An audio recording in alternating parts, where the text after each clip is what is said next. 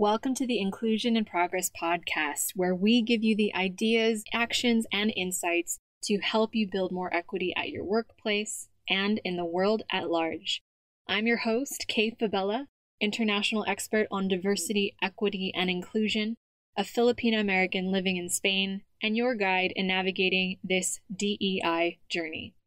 Having worked with teams at companies such as Philips, the IMF, Red Hat, PepsiCo, and more, I know firsthand that the work of inclusion only works when everyone has a seat at the table. Regardless of your personal entry point into this conversation, your race, ethnicity, gender, ability, age, sexual orientation, country of origin, or educational background, we all have a role to play in creating inclusion for all. And it starts with us having conversations we need to create the change we wish to see. So let's dive into today's episode.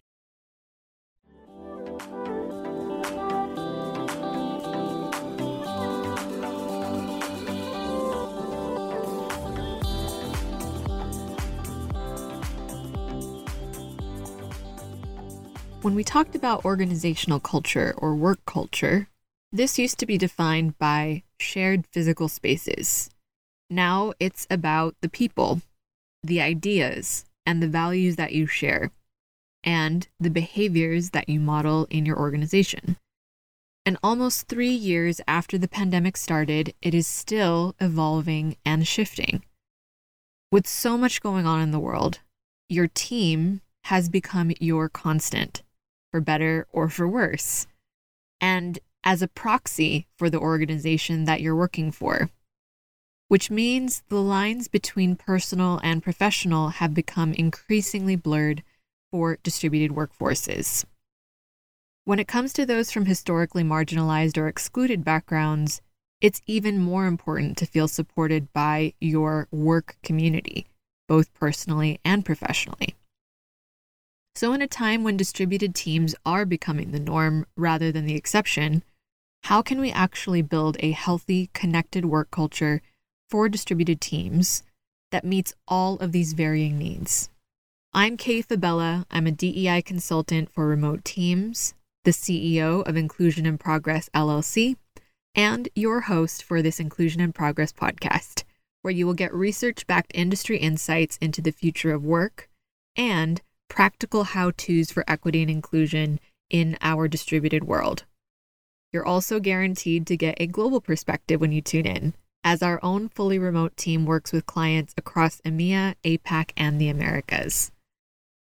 So, for today's episode of Inclusion in Progress, we'll be sharing examples of good practice around building a healthy, connected work culture for distributed teams. And although you're only hearing my voice on the podcast, Team IIP, I can promise you, is working hard behind the scenes to get these two new episodes for you each month. So be sure to follow us on your favorite podcast app to know when those episodes go live. And if you happen to be one of our OG fans and longtime listeners, please consider leaving us a review while you're there. Every review helps us reach listeners who we know would gain value from these conversations. A review directly helps more people who lead equity and inclusion at work, either in an official or an unofficial capacity, to have access to the resources, insights, and discussions that we're having here on Inclusion in Progress. Now, I've mentioned the incredible team that I've been working with before on this show. You even got to hear from a few of them on our special 100th episode. And despite there only being really me and one other person on the team who are actually co located here in Madrid, Spain, where I've been since 2010, we've created a pretty solid work culture for Team IIP, if I do say so myself. toot toot. well, we do our best to model the psychological safety that we aim to strategize and support our client partners with. And for us on Team IIP, that looks like interacting with one another during our weekly meetings or our co working hours, sharing photos on our asynchronous communication channels, or chronicling our ongoing list of inside jokes on what is affectionately known as our Team IIP glossary. the one constant in our work culture as a team is finding ways to deepen our trust in one another and see one another as more full and perfect humans despite not being in the same place. So that when a time comes when one of us is struggling with a task or we need to step away for a non work emergency, we have that psychological safety to ask one another for help when we need it. And in our experience, establishing a healthy work culture takes a lot of time, a lot of trial, and a lot of error. And we're a small team, so it's easier for us to implement culture change when necessary rather quickly.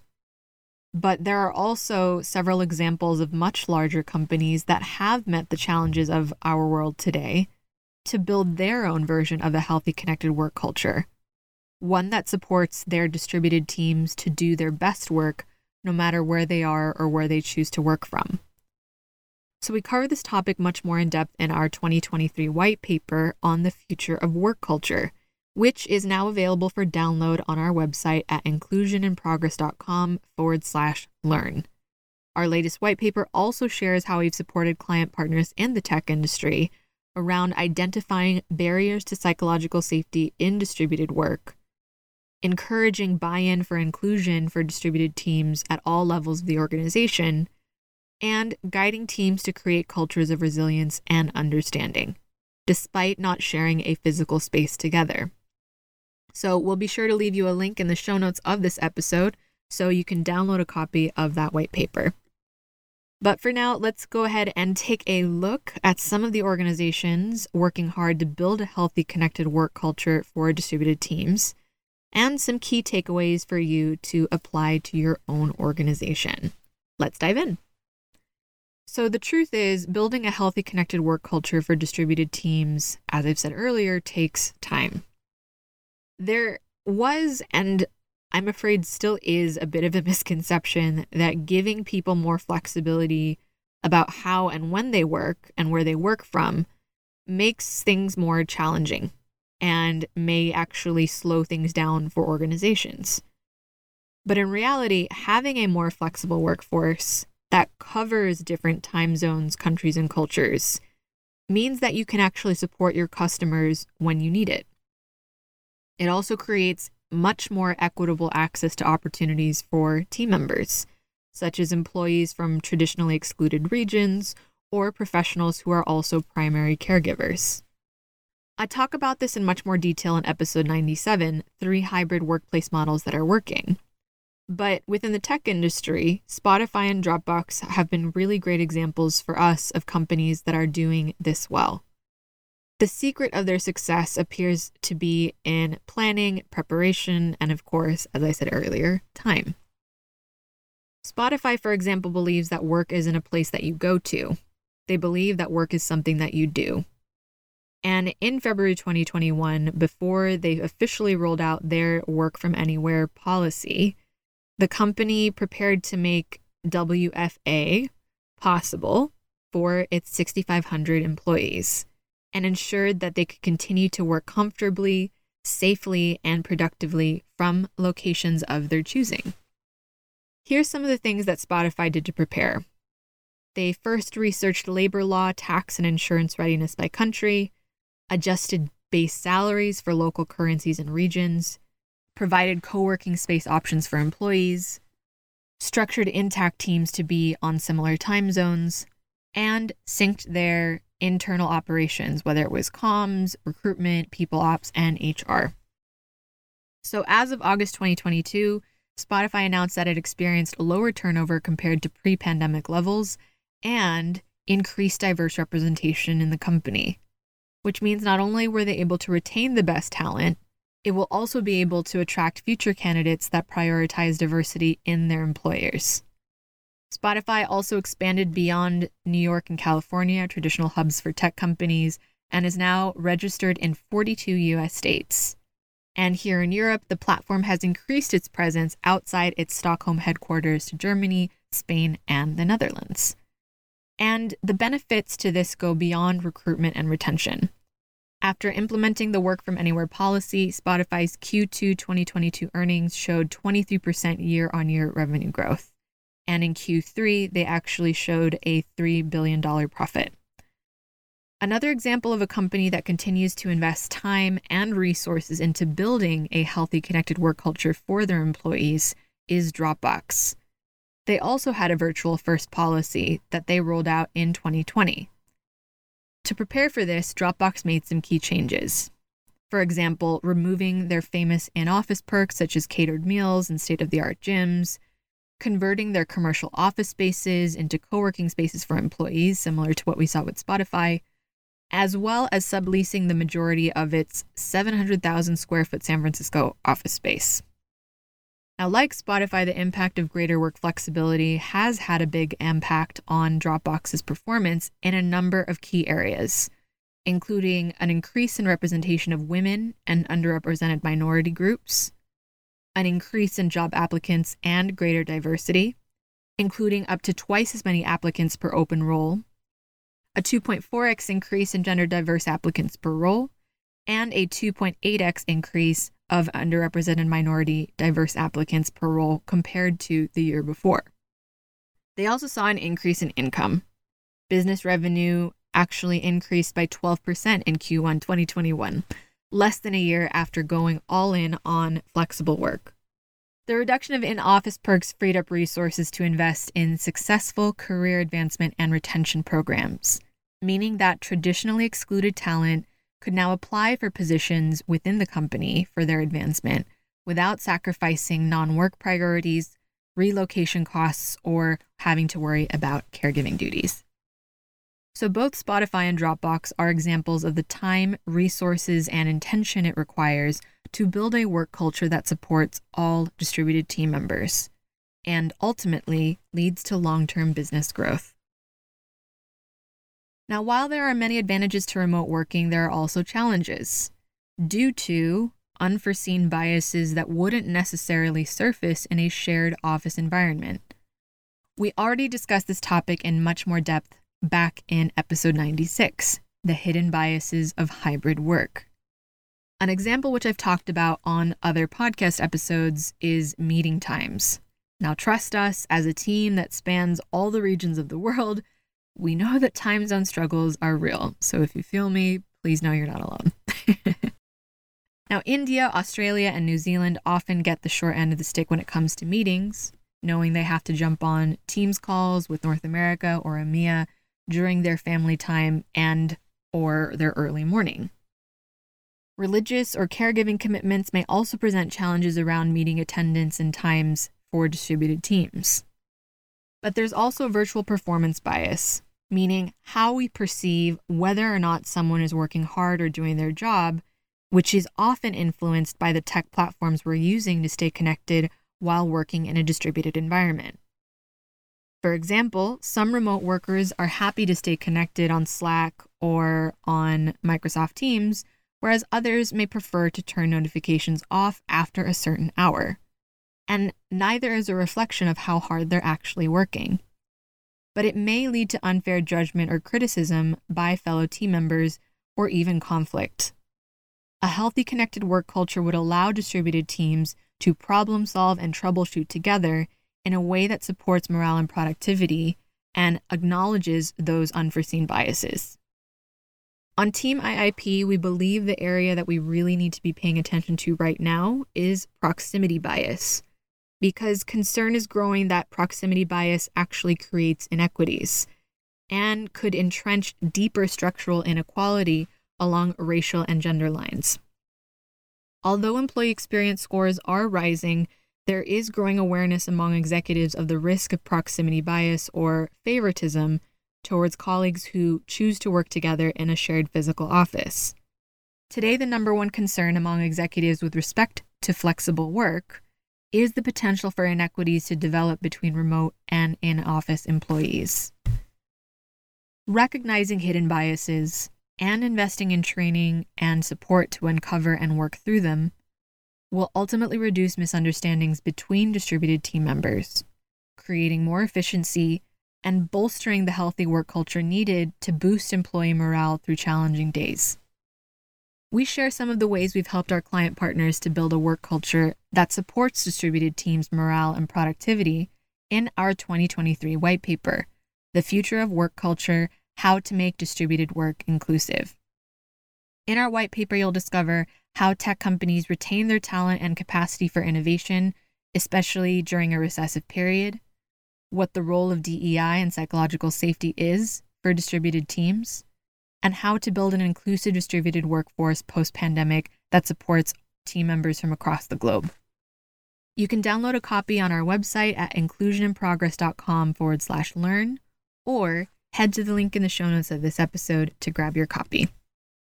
For a team to innovate and face today's challenges, they have to be able to solve problems. But problem solving also means being comfortable with taking risks, such as sharing an idea when it's not fully formed, without fear of being dismissed or not being taken seriously. What this boils down to is creating an environment where people feel comfortable showing up as a not perfect version of themselves, which admittedly can be more challenging when you're working across different time zones, languages, generations, and cultures. To create a healthy work culture that supports psychological safety and connection, to allow people to take those risks without fear of retribution or punishment, we've witnessed organizations creating structures and processes for sharing ideas, such as editable documents for the whole team to access, comment on, and regularly revisit together.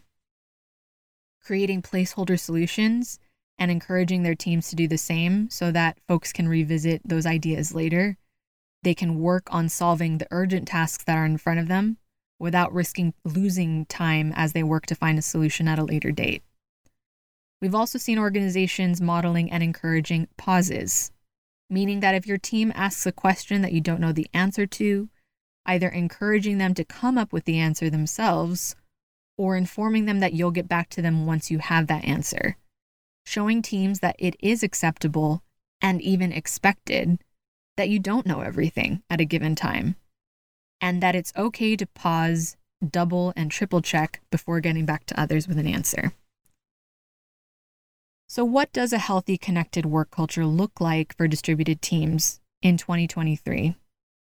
The truth is, there is no one right answer, except to accept that every team and work culture will need to have time, space, resources, and ways to regularly iterate as challenges arise so that teams can work more efficiently together, whether they're in or outside of a shared office and it will take an all hands on deck approach to designing a supportive, effective work culture. As we navigate a globally recessive period post pandemic, when team psychological safety may be more challenged than ever before. So, there you have it how to build a healthy, connected work culture for distributed teams, and some ideas from organizations who are leaning into creating a regular practice and including time and resources and expertise, whether internally or outside, to support psychological safety rather than reducing those resources at this time. Now, at Inclusion in Progress, we've always recognized the need to investigate barriers to psychological safety at the individual, behavioral, and organizational levels while navigating the reality of our post pandemic distributed world. Because we know that identifying how to remove those barriers allows organizations to create a work culture where employees contribute their best ideas without fear of judgment or exclusion, ensuring an engaged, productive, and equitable work environment no matter where employees choose to work from. We also know that the last three years have been challenging for every organization to navigate. And it's important for us to continue providing you the resources that will set you and your teams up for success. To that end, we're pleased to announce the release of our 2023 white paper on the future of work culture How to Make Distributed Work Inclusive. You can download a copy on our website at inclusioninprogress.com forward slash learn, or head to the link in the show notes of this episode to download your copy. And if you'd like to learn how we can support you with creating inclusive distributed work strategies in 2023, you can email us directly at info at inclusioninprogress.com to book a free, no pressure consultation call with our team. As always, thank you so much for listening. Thank you for sharing these episodes with others, and we'll see you next time on Inclusion in Progress.